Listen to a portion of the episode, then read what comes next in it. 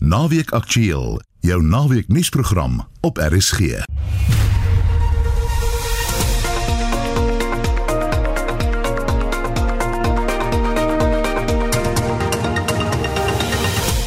die volgende uur praat ons met 'n ekonoom oor die impak van die oorlog in Oekraïne en wat dit doen aan verbruikers se sakke. Die nuwe Marvel karakter is vir die eerste keer 'n moslemheldin. Ek sien baie uit daarna om 'n uitbeelding van 'n dinamiese jong moslimvrou wat mag het te sien in 'n TV-reeks. En Bangladesh maak malvleis van die proteas terwyl die bulle 'n mok maak met 9-3 oploftes. Pieter van der Berg bespreek 'n propvol sportnaweek. Baie welkom by Naweek Aktueel. Vandag se redakteur Wessel Pretorius, die produksieregisseur Johan Pieterse en ek is Marita.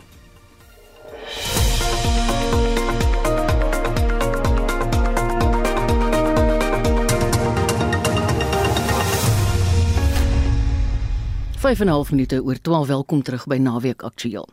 Die valke in die Wes-Kaap wil nie verder uitbrei oor hulle ondersoek na die skietvoorval van dese week buite die huis van die Wes-Kaapse adjunk regterpresident Patricia Goliath nie. Die enige woordvoerder brigadier Nomtandazo Mbambo het die skietery bevestig, maar sê om veiligheidsredes gaan hulle nie besonderhede verskaf nie. Volgens berigte is een van die veiligheidswagte wat buite Goliath se huis ontplooi is, tydens die voorval in die hand geskiet. Colben August doen verslag. Nog die valke, nog die polisie wil in die stadium veel uitlaat oor Woensdag se skietvoorval. Die minister van polisie, Bekkie Cele, sê egter die skietvoorval word ondersoek. Hy het tydens 'n besoek aan Heideveld in Kaapstad gepraat.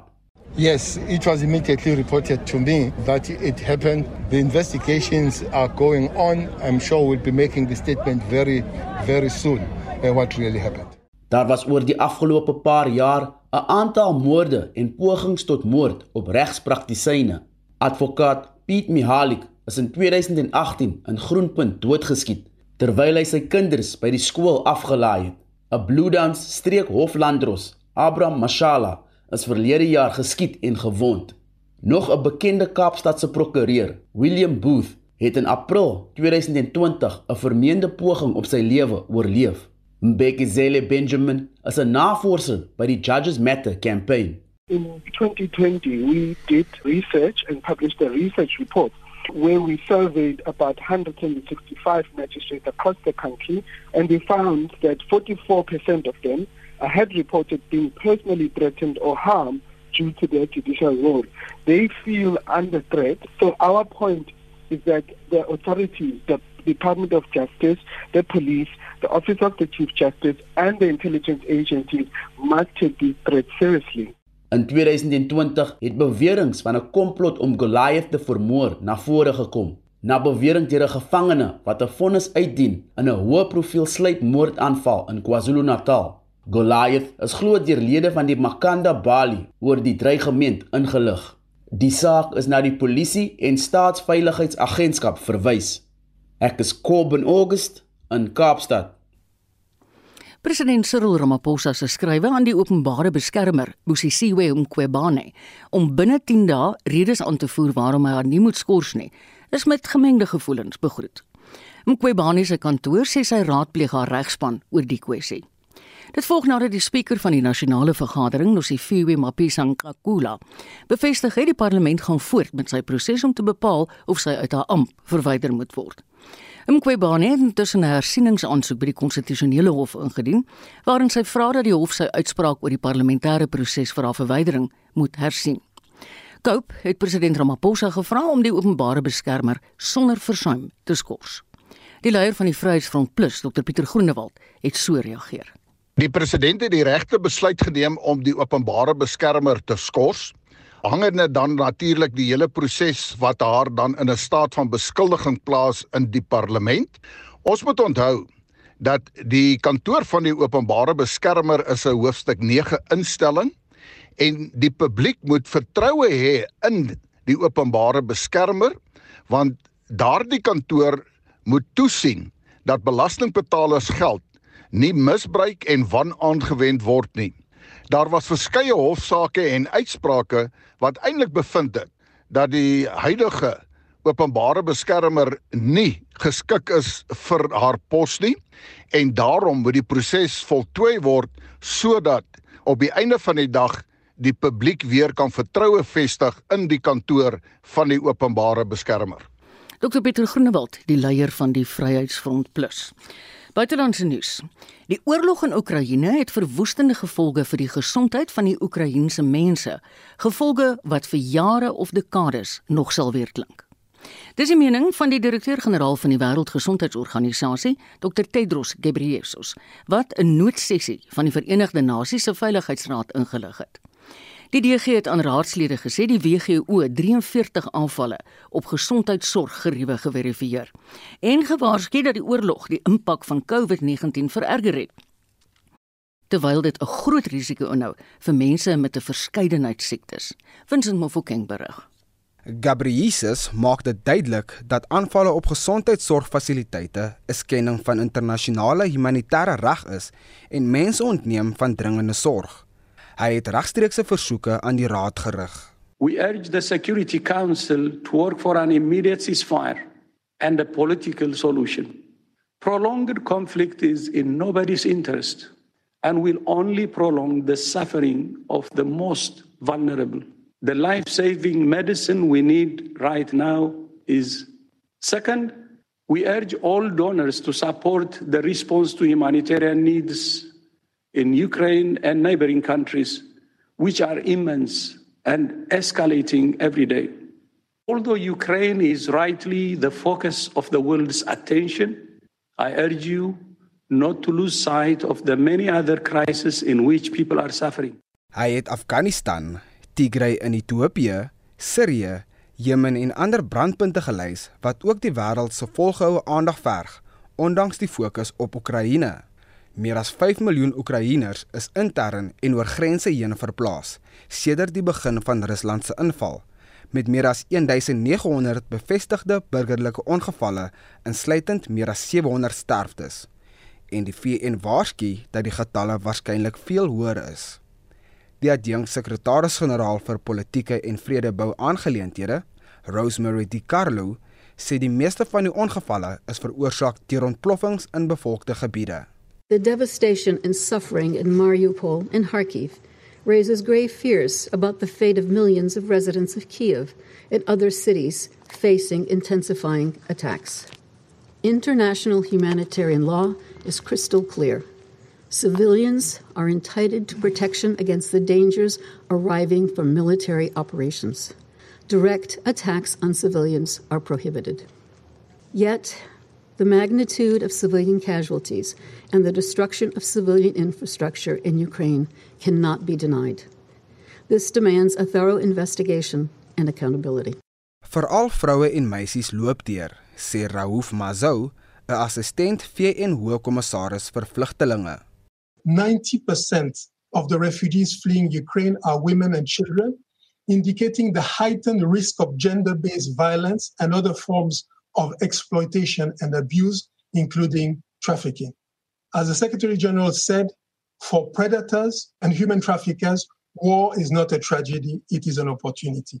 We are deeply concerned about media reports of incidents of gender based violence and trafficking and are supporting the efforts of government in scaling up prevention and risk mitigation measures, including through the Stay Safe campaign aimed at awareness raising and provision of information to refugees. Die verslag van Shawn Bryce Peace vanuit New York. Ek is Vincent Mufokeng vir SAI Garnis. Ons bly by hierdie storie van Oekraïne en ek sien op internasionale platforms van nuus is dit absoluut die luistorie nog steeds van die dag. Nou mense kan nie glo nie dis 3 weke sedert Oekraïne deur Rusland binnegeval is en die impak word wêreldwyd gevoel. Vir hoe die oorlog die Suid-Afrikaanse verbruiker gaan raak, praat ons nou met die onafhanklike ekonoom Ulrich Huber. Goeiemôre Ulrich. Goeiemôre Marita. Tot watter onstabiliteit het die oorlog in finansiële markte gelei? Uh, ek wil nou sê tot geweldige onstabiliteit. Ehm um, en as jy mense gaan kyk na uh eersins wisselkoerse het uh, dramaties beweeg mm. as mense nou maar net kyk na die rand op 'n stadium was ons oor die 15 en 'n half rand per dollar nou teen die einde van die week onder 14 onder 15 rand per dollar. As jy mens gaan kyk na die uh, aandelebeurse, die skommelings wat ons daar gehad het oor die afgelope maand eintlik geweldig groot. Ehm um, en dit nou in die finansiële markte en dan moet mense en, en en nog daarbey moet mense sê ook in staatseffekte as mense gaan kyk na byvoorbeeld die die uh, Amerikaanse 10 jaar staatseffek het gewissel tot 'n vlak van onder 1,7 ehm um, persent vir 10 jaar staatseffekte. Tot nou Vrydag het daardie staatseffek se koers teen 2.15% ge, uh, gestyg. So eintlik geweldige skommelings oral mm. in hierdie wêreld en mm. die ongeluk is dat as 'n mens nou sê man wie daar is die koerse is nou so die uh, aandelebeurse so op hierdie vlak oor 5 minute het dit weer verander. Ja, dis waar. Groot ontwrigting. Groot ontwrigting. Ja. Sou jy sê Ulrich dat uh, produkte se prys in 'n mate reeds gestyg het? Ja, as jy mense gaan kyk uh, as jy mense nou nog na die kommoditeitsmarkte gaan kyk. Ek het nou byvoorbeeld net hier uh, gekyk na die ehm uh, stygings in koring se prys. Nou mm. dis 'n internasionale stygings was 31%, 31.5% oor die afgelope maand het koring se prys gestyg. As jy mense gaan kyk na mielies Ja, dit was nou 'n bietjie minder, dit was net 13%. Maar eintlik geweldige stygings ook in kommoditeitspryse. En nou as mense gaan kyk na die Suid-Afrikaanse opset, mm. moet jy mense weet dat ja, en en dankie dat ons nie in die Oekraïne leef nie, maar daardie ontwrigting het uiteindelik 'n geweldige impak ook op dit wat ons hier beleef. En as die mense nou maar gaan kyk, eersins die kospryse en tweedens dan natuurlik die energiepryse. Mm. En mense nou gaan kyk na die beweging van olie oor die afgelope maand het die Brent ruolieprys waarvan ons ons brandstofpryse vasgestel word met uh, 13 amper 14% gestyg. So uh in in die skommelings weer eens. Uh, op 'n stadium in die afgelope maand het ons gaan dry met Brent olie op net onder 140 dollar per vat. Ja. Op 'n stadium was dit onder 100 dollar per vat nou vandag staan dit op 108 dollar vat. So 'n eh, geweldige skommelings ook daar, maar die aanduidings is dus dat brandstofpryse hier in Suid-Afrika gaan styg. Hmm. Hierdie kommoditeitspryse gaan styg want baie van ons kommoditeitspryse word gekoppel aan die internasionale pryse. Dit wat die koringboere byvoorbeeld gaan kry vir hulle koring as hulle uiteindelik dit weer lewer, word uiteindelik bepaal deur wat daar op die internasionale markte mm. Uh plaasvind en ook wat ons mielieboere aanbetref. So en dan uiteindelik kom dit natuurlik deur na ons as uh, as verbruikers. En dan moet jy mense onthou dat hierdie prysstygings uh, gaan uiteindelik vir dieselfde hoeveelheid brandstof wat ons in ons voertuig ingooi elke week of elke maand gaan net soveel duurder wees as wat ons dit gehad het uh 6 maande gelede. En dis maar net eenvoudig dat uh, dis 'n hap uit jou maandelikse inkomste. Nou, groot hap. ja, ongelukkig 'n baie groot hap. So ons moet maar seker fietsry of loop met ons twee voete. Ek het dit alweer weer hoor. ongelukkig het dit 'n bietjie duur dit dan baie lank mm. om op 'n ander punt mm. te kom. Maar goed, uiteindelik as mense na hierdie situasie kyk, uh, dan moet mense ook onthou dat hierdie onstabiliteit en hierdie prysstyging wat wat ek nou maar net so net vlugtig na gekyk het, het dit eintlik 'n impak op die Suid-Afrikaanse ehm um, verbruiker se besteding wat hy moet moet uh, doen en die styging in die prys wat hy moet betaal vir dieselfde produk. En dan sê ons o, oh, jy weet hier kom die inflasiekoers. En nou die afgelope tyd het ons nou met 'n inflasiekoers gesit einde verlede jaar van 5,9% in Desember en nou in Januarie 5,7. So uiteindelik as mense nou gaan kyk dan sê ons oek die die inflasiekoers is bokant die mikpunt by die Reservebank van 4,5% mm. En as gevolg daarvan moet ons sekerlik verwag dat die Reservebank nou donderdag die 24ste as ek die datum reg het, gaan hulle moontlik rentekoerse weer verder verhoog. Die Amerikaners het verlede week hulle rentekoerse vir die eerste keer sedert 2018 verhoog. So as mense na hierdie situasie kyk, dan gaan rentekoerse styg. die prys wat ons betaal vir die brandstof wat ons in 'n voertuig gooi, die die mielies of die koring, die brood wat ons dus koop, dit gaan styg en uiteindelik vat dit groter happe uit ons uit ons uh, maandelikse inkomste. En uh, goed, jy weet daar sommige ouens wat nou blykbaar kan staak vir uh vir 'n uh, beter salaris en so aan maar pensionaars is soos ek kan dit nou nie doen nie. Julle staak daagliks Ulrich. ek wil jou tog vra in die lig van al hierdie goed wat jy nou gesê, dink jy tekorte kan ontstaan? Ek as jy mens kyk na die Suid-Afrikaanse opset dan sien uh, wat, wat die somergraangewasse aanbetref dink ons nie daar gaan tekorte ontstaan nie. Miskien gaan die oes nie so groot wees so wat ons aanvanklik gedink het nie omdat jy so baie reën gekry het mm. daar in die noordelike dele. Mm. Maar daar gaan sover ons weet gaan daar nie tekorte wees nie. Ons gaan dalk oorskot mielie wat ons wil graag sal wil uitvoer. Ja. Maar wat koring aanbetref Ehm um, en en die die koringoes moet eintlik nou uh, in April, Mei maand in die grond kom en byvoorbeeld die kunsmispryse wat so geweldig gestyg het. Ja, uh, 'n uh, boer het net vir my nou die dag gesê, mm, "Man, vir hierdie jaar het ons vir vir die kuns van 7 miljoen betaal. As jy dit selfe kuns vir jaar wil koop, dan gaan dit ons 17 miljoen kos." Ja. Nou goed.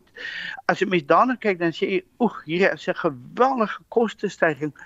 Gaan die graanboere die risiko vat dat daar normale reëns kom in die Wes-Kaap of in die koringstreke en daardie risiko aangaan om daai ekstra koste in te sit dan moet 'n mens dink uh, goed ons voer normaalweg koring in maar daar sal seker dan koring wees uh, wêreldwyd alhoewel as jy kyk Rusland en Oekraïne is verantwoordelik vir 30% ja. van die wêreld se graanuitvoere. Mm. En wat sonneblomme aanbetref, sonneblomolie aanbetref, ek ek is nie 100% seker van daai syfer nie, maar ek dink uh, Oekraïne lewe amper 90% van die wêreld se sonneblomolie.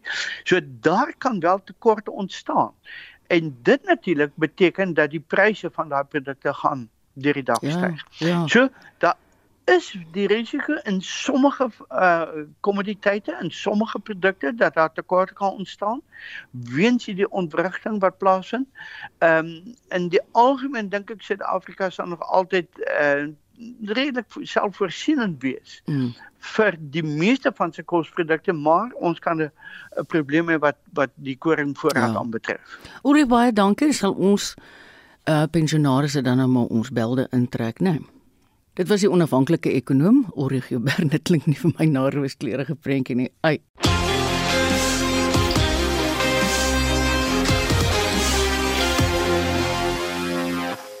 Miskien is jy een van die gelukkiges wat hierdie salige lang naweek kan geniet, maar kom ek vertel jou maar in elk geval ons is op pad na 24 minute oor 12. Die een voordeel van hierdie lang naweek is daai is propvol sportbeeenkomste wat aan die gang is. Pieter van der Berg hou ons op hoogte van dinge. Hallo Pieter. Maar dan sê maar Etta. Al vier Suid-Afrikaanse rugbyspanne is nou plaaslike bodem in die Verenigde Rugby Kampioenskap. En die ses nasies se laaste ronde word ook vandag afgehandel, né? Nee? Dit is baie waar ja, gisterand in die Verenigde Rugby Kampioenskap het Glasgow Warriors vir Edinburgh geklop met 30-17. Dis daar in Europa en hier in Suid-Afrika, wat is Versveld in Pretoria, was dit die Bulls wat 'n 57-12 oorwinning oor die Carnegie Scarlets behaal het. Hulle het al reeds hulle bonuspunt daar in die 24ste minuut beklink en hulle het nie minder nie as 9-3 teenoor 2 gedruk dis aan die Bulls oor die Scarlets. Vandag is daar uh, die wedstryd wat uh, om 2 uur begin.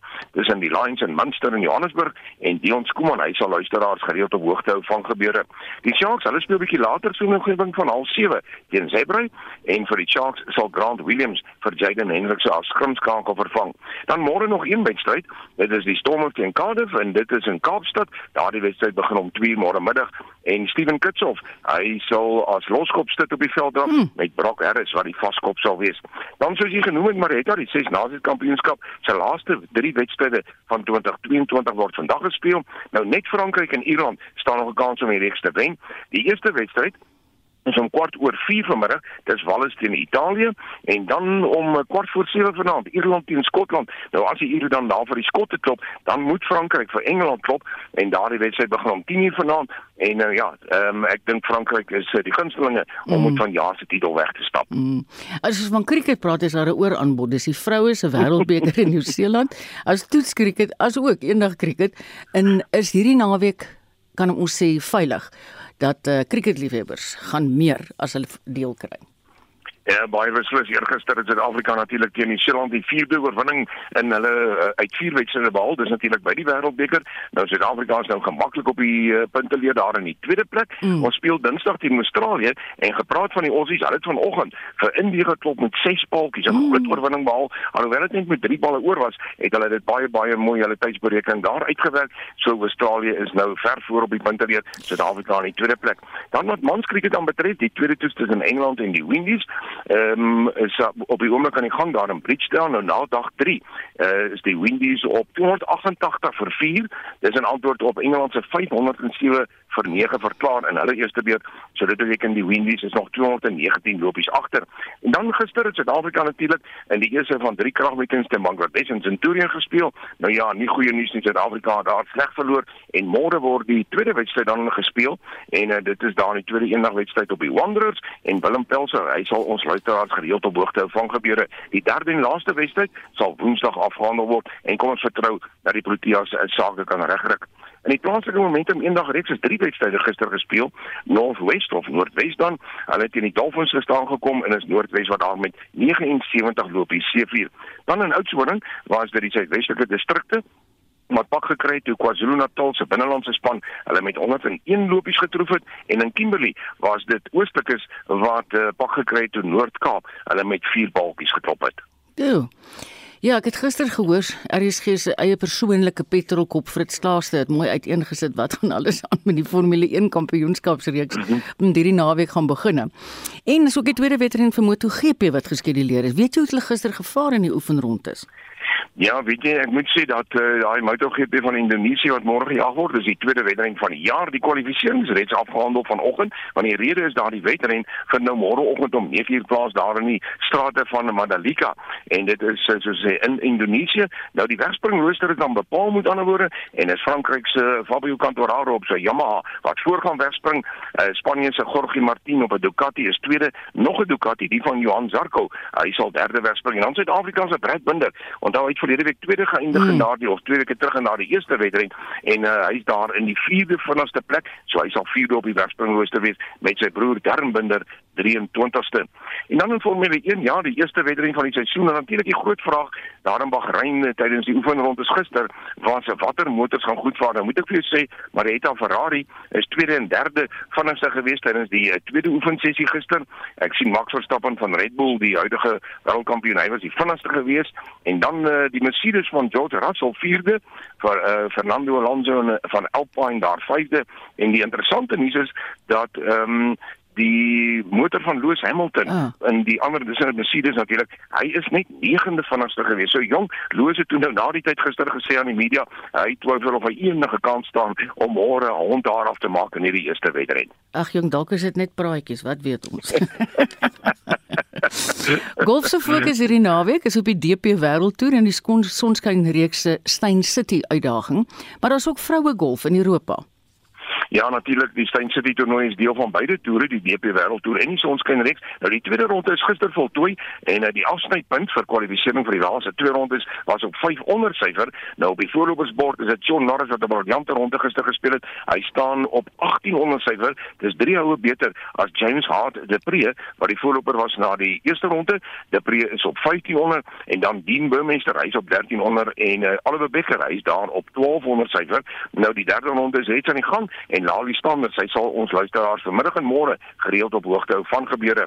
Dan in die FSA, die Waalspark Kampioenskap daar op Innsbruck, nou na die tweede ronde is dit Matthew Ness with Ness Smith wat um, daar op 1402 voor Adam Hadwin en uh, hy's op 1200 met Scott uh, Stallings en Sam Burns beide op 1100 uh, so hy het 'n gemaklike voorsprong dis nou Ness Smith daar op 1400. Suid-Afrika se Louis Oosthuizen goed geplaas. Hy's in die 10de plek op 700 syfer.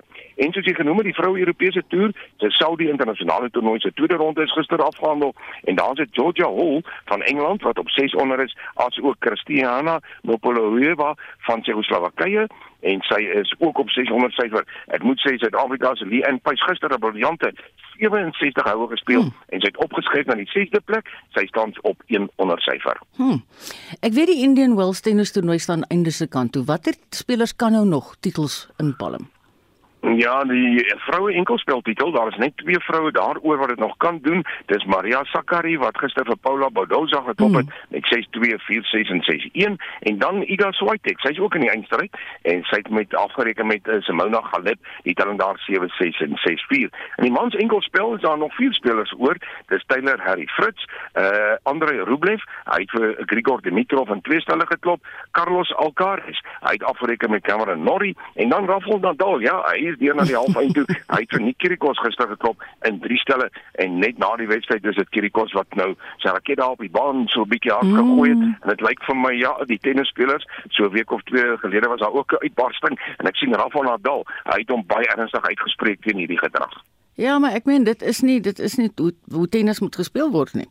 Kom ja, ons maak dan jong spelers maar het ja, dit nie 'n goeie prentjie nie. Nee, nee, dis nie 'n goeie voorbeeld nie, ek stem. Kom ons maak laasens 'n draai op die sokkerveld. Daar is wedstryde in die Engelse Premierliga aan die gang, maar ons het plaaslike Premierliga sokker ook nou. Dis waar ja, kom ons begin met gisterand se Engelse Premier League, een wedstryd, Wolverhampton Wanderers. Hulle het vir Leeds geklop met 3-2. Leeds het net 10 spelers meeste van die tyd daar gehad. Dan vandag Aston Villa teen Arsenal om 0:30 en dan in CAF se Kampioenligga uh, was een Suid-Afrikaanse span gister in aksie gewees. Ek het nou nog nie daardie telling gekry nie, maar Zulu teen Raja Casablanca, maar vandag is dit Mamelodi Sundowns in 'n wegwedstryd teen Al Hilal en daardie wedstryd begin om 3:00 vanmiddag. Dan in die DStv se Premier League sal een Morris luisteraars op hoogte van gebeure in die wedstryd wedstryd wat vanmiddag om 04:30 begin. Dis die Galaxy wat staan kom teen SuperSport United en dan kyk Town City, hulle kom om 06:30 uh te staan teen Marumo Gallants en dan Kaizer Chiefs en Golden Arrows. Hulle het kragte vanaand om 08:30 En natuurlik soos gebruiklik Judy Hendricks, hy sal vanmiddag in RSG Sport van 3 tot 6 sal hy al die jongste sport vir ons in die sportateljee hê vir ons luisteraars. Baie dankie Pieter, jy's altyd so op hoogte vir alles wat aangaan. Dis 'n plesier om met jou te praat. Pieter van der Berg van RSG Sport. En saam met sport het ons so hand in hand elke week ons karre rubriek. Nou in sy weeklikse motorbriek toets Wessel Pretorius 'n Land Rover.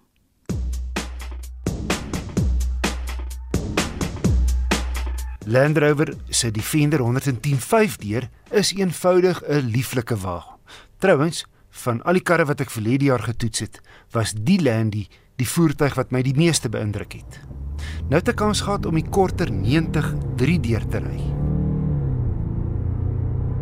Soos die Defender van ouds, 'n opvallende hoekige bakwerk met die noodwiel op die agterdeur wat sywaarts oopmaak en Alpine vensters agter teen die dak.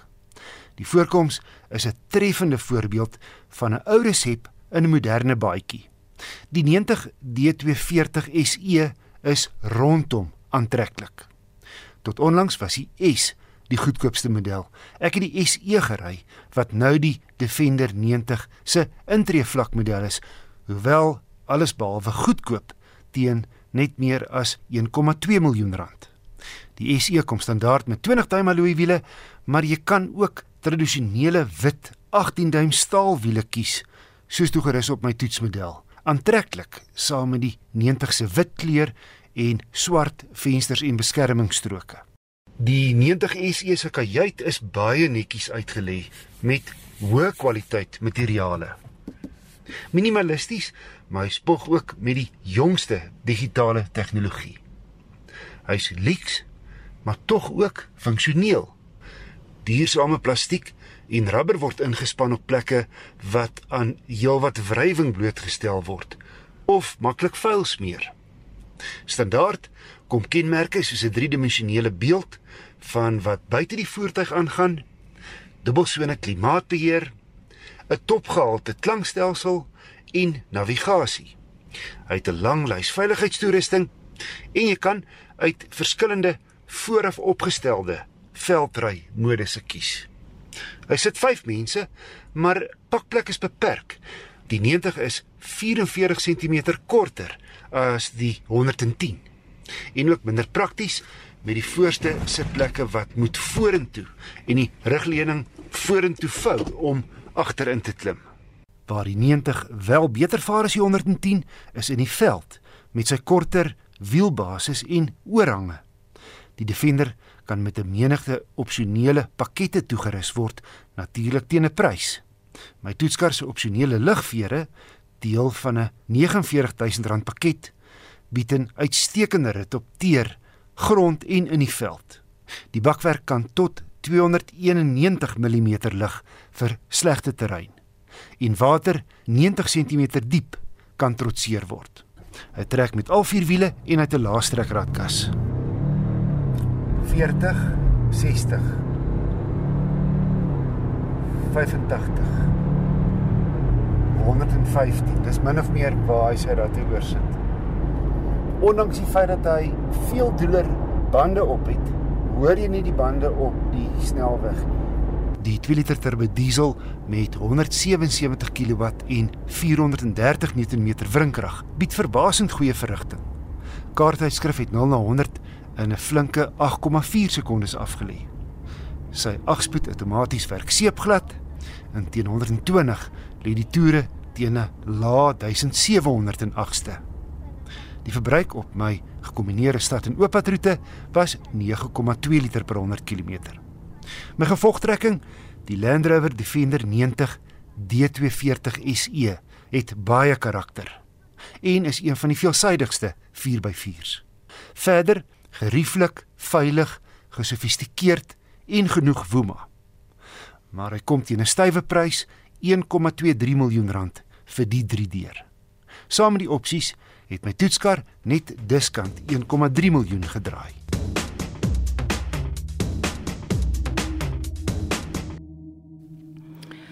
Nou is dit so 23 minute voor 1. Suid-Afrika se kuns en ander museums is in 'n haglike toestand. Gebrekkige infrastruktuur vererger die situasie. Helaas beteken dit dat van ons beste kunswerke en kultuurskatte verlore gaan omdat restaurasie ook in die proses gefnuik word. Museum Africa in Newtown is een van baie voorbeelde waar kunswerke eenvoudig nie tot hulle reg kom nie. Vir kommentaar hierop praat ons nou met professor Anton van Vollenhoven, wat 3 jaar gelede lid was van 'n taakspan van 7 wat deur die SA Akademie vir Wetenskap en Kuns aangestel is om die probleem te ondersoek. Anton van Vollenhoven is 'n buitengewone professor aan Noordwes Universiteit en ook direkteur van die argeologiese maatskappy Arkeetnos. Goeiemôre Anton. Goeiemôre Marietta en ook aan die luisteraars. Wat het julle 3 jaar gelede gevind? Wat is wat is die situasie by die museums? Ja, die groot probleem is dat ehm um, museums oor die algemeen baie swak befonds word en dan daarmee saam dat ehm um, die personeel ook nie wetenskaplike opleiding uh, ondergaan het nie. Dit lyk vir my dit dit het maar die gewoonte geword om enige ou in 'n museumpos te sit omdat daar waarskynlik gereken word enige iemand kan museumwerk doen. Daar's nie 'n besef dat dat dit eintlik 'n spesialis taak is nie. En wat ons dan bevind het is dat by baie museums uh die stoorruimtes uh sommer oop staan dat baie van die museum voorwerpe sommer uh in die buitelug staan of onder afdakke waar dit vol stof en water kan word en stof en water is natuurlik die twee groot mm. uh gevaar gevare vir museumvoorwerpe. Ag en dat uitstallings vuil is, dat uitstallings uh nie noodwendig kontekstueel sin maak nie en dat voorwerpe saam uitgestal word wat nie saam uitgestal behoort te word nie, byvoorbeeld tekstiele uh, en hout. Jy kan uh goggetjies en goed in hout kry wat dan natuurlik ook die tekstiele sal mm, mm. aanvat. So eintlik 'n bitter bitter swak situasie waarin ons museums hulle bevind. Klink my so half 'n onbekwaamheid en 'n algemene traak my nie agtigheid.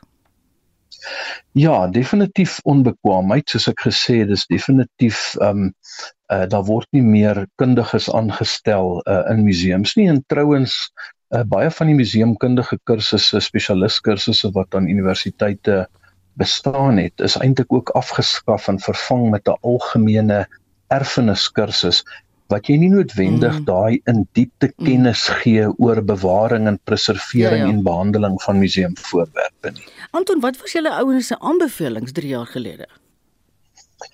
Ja, die aanbevelings uh, was maar baie moeilik want uh omdat die meeste museums natuurlik nou um staatsmuseums is uh en ons eintlik hierdie werk vir die akademie gedoen het, dan beteken dit dat dit nie noodwendig tot tot iets sou kom nie.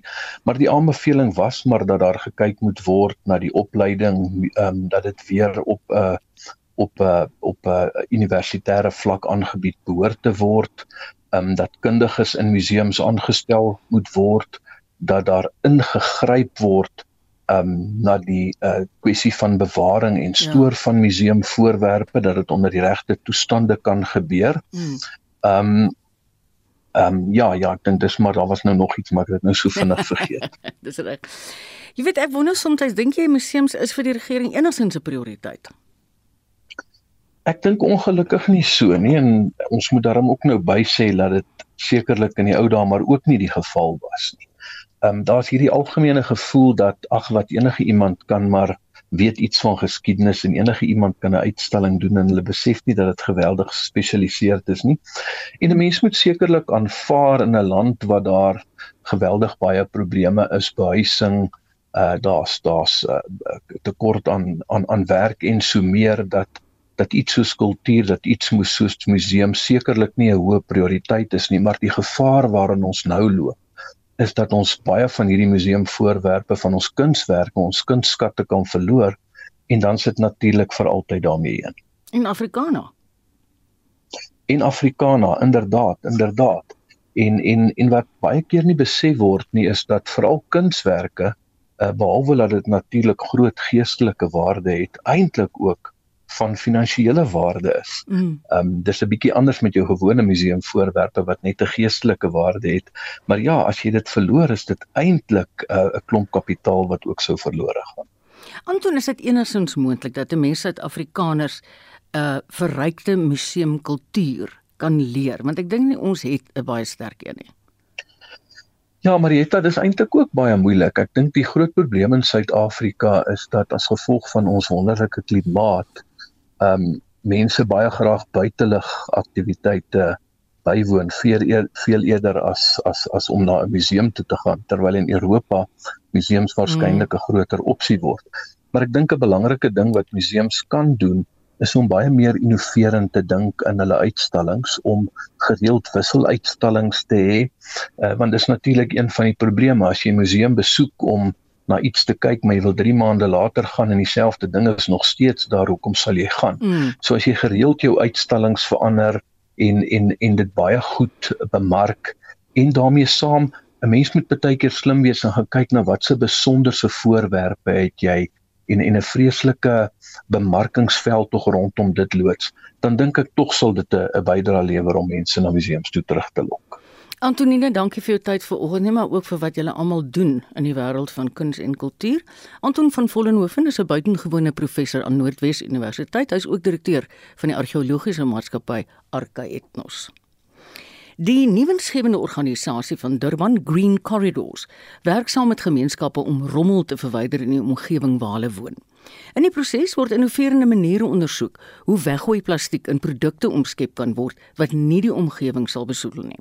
Bietjie vir bietjie word daar inhoud gegee aan die grondwetlike reg tot 'n omgewing wat nie 'n gesondheidsgevaar inhou nie en 'n omgewing wat beskerm word van besoedeling. Dries Liebenberg berig.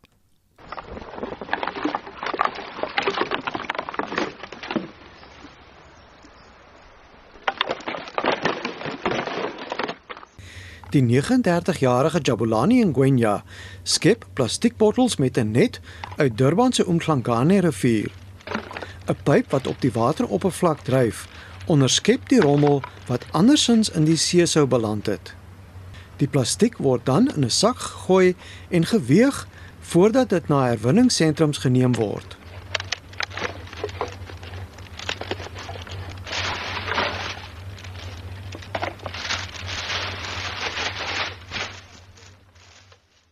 Gwenya sê hy wou in Green Corridors se projek betrokke raak omdat mense van die Johanna weg informele nedersetting waar hy woon siek geword het van die besoedelde water. We have people that are working within the communities to tell people not to throw stuff outside the house but to keep it in bags so that the municipality can collect it. Little by little, people are starting to understand that you can't discard your waste. Die hout- en sinkplaatwonings is dig teen mekaar gebou teen 'n steil helling. Hier en daar kan mens die swart gebrande kolle sien waar hope rommel vroeër aan die brand gesteek is. Op die skouer van die pad vloei daar 'n melkerige stroompie water wat van riool stink. 'n Rot kom uit die lang gras te voorskyn en naal vinnig oor die pad na die nedersetting. Inwoners is ontevrede oor die omstandighede. No, I'm not feel well because it's it's danger even on the child here. So, so now we the child there, there are many child there come and they sit there. Now they take these things, they throw it away. This is a problem. The sewage pipe broke two years ago. I sell food. The municipality don't care. If they cared, they would have fixed it by now. Ngoba kube banendaba ngabe mhlambe sihlala endaweni eclean. Gwenya sê hy verwyder gemiddeld 50 kg plastiek per dag uit die rivier. By die 20 slagbome wat Green Corridors in die opvangsgebiede van die Umgeni, Umhlangane en Ohlangana riviere gespan het, word 11 ton plastiek per jaar verwyder. Dit word by versamelpunte gesorteer. Green Corridors het 'n sentrum in KwaMashu waar rommel verwerk word. Jonathan Welsh is verantwoordelik vir navorsing wat by die sentrum gedoen word om rommel in nuttige produkte te omskep. By far the biggest project we're focusing on is what we call green concrete. So green concrete is a combination of different materials. We've got alien invasive plants which act as a reinforcing fiber in that material. We've got a large percentage of recycled concrete which comes from illegally dumped building rubble. Then we've also got our plastics, which is a range of plastics, some of which are expanded polystyrene that we all know well is very light and so a big voluminous headache to the landfill sites. And then the last thing that we've got is glass. Welsh verduidelik hulle werk meestal met soorte plastiek en ander rommel wat nie andersins herwin sou word nie. Hulle het 'n wye verskeidenheid prototipes ontwikkel. Dit sluit in sogenaamde groen beton plaveistene as ook 'n teerproduk vir die herstel van slaggate in paaie waarin herwinde plastiek gebruik word. Dan is daar heiningpale van organiese materiaal soos waterjasint wat 'n indringerplant is. Wanneer hierdie produkte markgereed is, sal dit deur klein en mikroondernemings vervaardig en verkoop word. Green Corridors is ook betrokke in die vestiging van klein parkies op plekke in riviere se opvangsgebiede waar indringerplante, rommel en bourommel verwyder is. Dit word dan ruimtes waar mense kan oefen, ontspan of groentetuine plant. Musi Masuku sê hulle betrek die gemeenskap vanuit die staanspoor. Hierdie mense hou dan 'n oog op die parkies om te keer dat daar weer rommel gestrooi word. The site that we are, we're calling it as a Janini. It's been two years now we're working on it. It was a dumping site where people, when they are doing their houses and renovating their houses, they used to come here and dump their stuff here.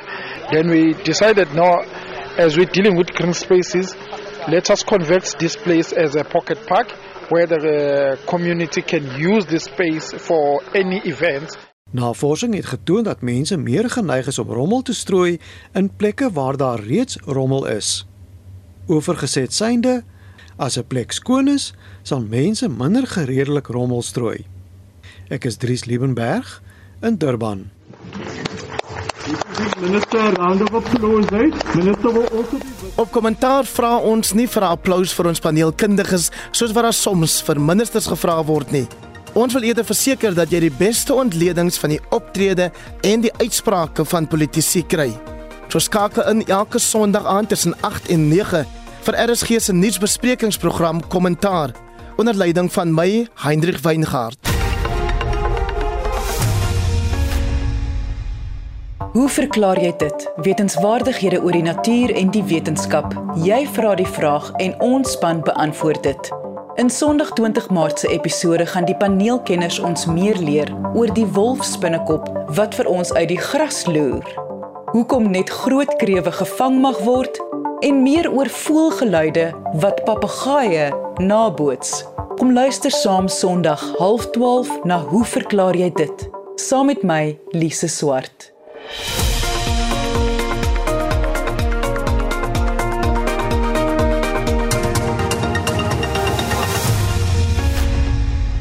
Jy luister na Naweek Aktueel dis 10 voor 1. Die strokiesprentmaatskappy Marvel sal binnekort vir die eerste keer 'n moslem karakter as 'n held op die skerm uitbeeld.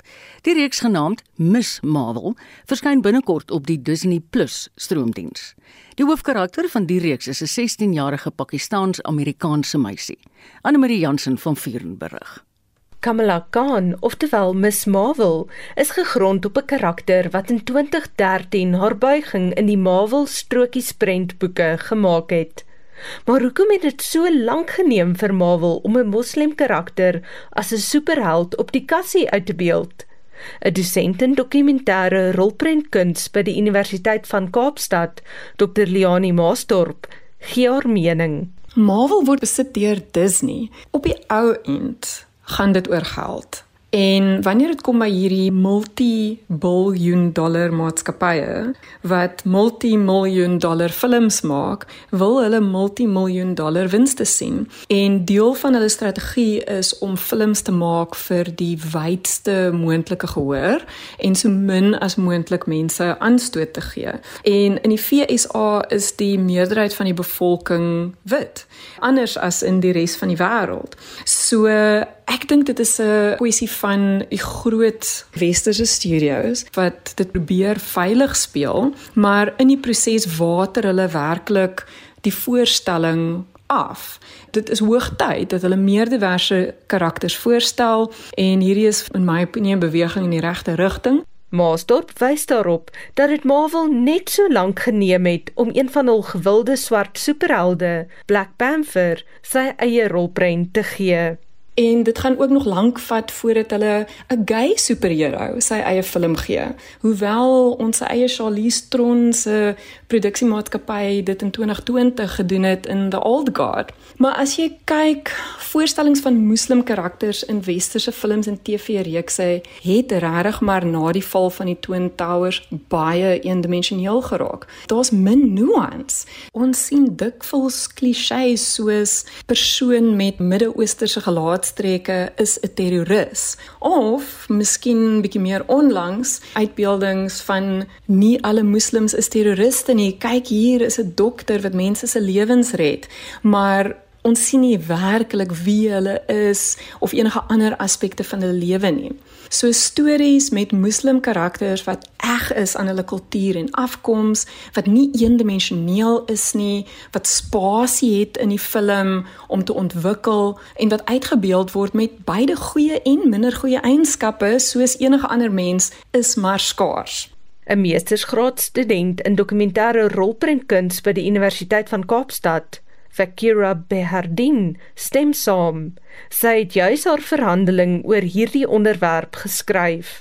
Sy sê sy glo jong Suid-Afrikaners sal by die nuwe Marvel karakter aanklank vind. While I can't speak for the whole of the South African Muslim community, I do believe that Miss Marvel will appeal to a younger generation, let's say more liberal audience. However, I feel like there's a discrepancy where Islamically we cannot ascribe uh, superpowers to ordinary beings. And I think this is the problem that will come in for a more conservative, older generation of Muslims. And this is the problem they may have with Ms. Marvel. Though I do believe Ms. Marvel is an excellent, accurate, and fair portrayal of a young Muslim woman. So her character will definitely resonate with younger Muslims in South Africa. Ten spyte daarvan dat kritici Kamala Khan of Miss Marvel as 'n pleintjie vir diversiteit beskou, glo Maasdorp dat dit ook eintlik net oor goeie vermaak gaan. Ek is baie opgewonde. Ek sal dit verseker wil kyk want gebaseer op die snoepsnit wat ek nou sover gekyk het, lyk dit asof sy met humor voorgestel word, asof sy iemand is wat spesifiek geplaas word binne 'n kultuur, binne 'n geloof, binne 'n gesin. En ek moet sê vir iemand wat al baie Marvel films gekyk het met baie entoesiasme, het ek regtig die afgelope 3-4 jaar belangstelling verloor daarin, want die karakters is vervelig vir my. Hulle is so begeneries, jy weet. Hulle weerspieël nie regtig die ervarings wat regte mense in die wêreld het nie. Die fight scenes raak net al groter en meer chaoties en is maar nie dieselfde karakters wat mense oor en oor sien wat die meeste skermtyd geniet en die interessante nuwe karakters is baie keer byspelers.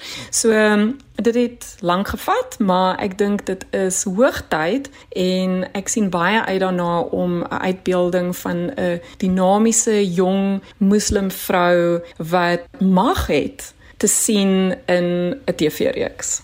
Dr. Leani Maasdorp, 'n dosent in filmstudies by die Universiteit van Kaapstad, en ek is Anne Marie Jansen van Vuren vir SAK nuus. Ons het 'n lekker verrassing in volgende week se naweek aktueel, so maak 'n punt daarvan om ingeskakel te wees tussen 12 en 1.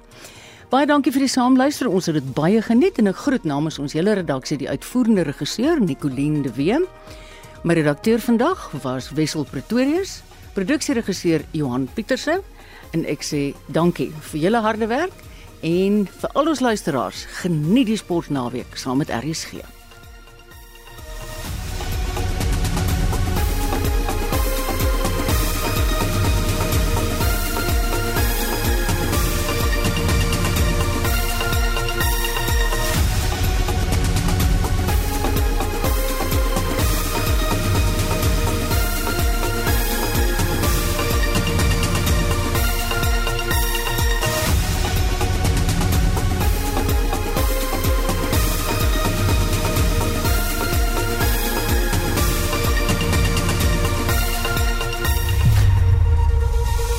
SAK nuus. Onafhanklik, onpartydig.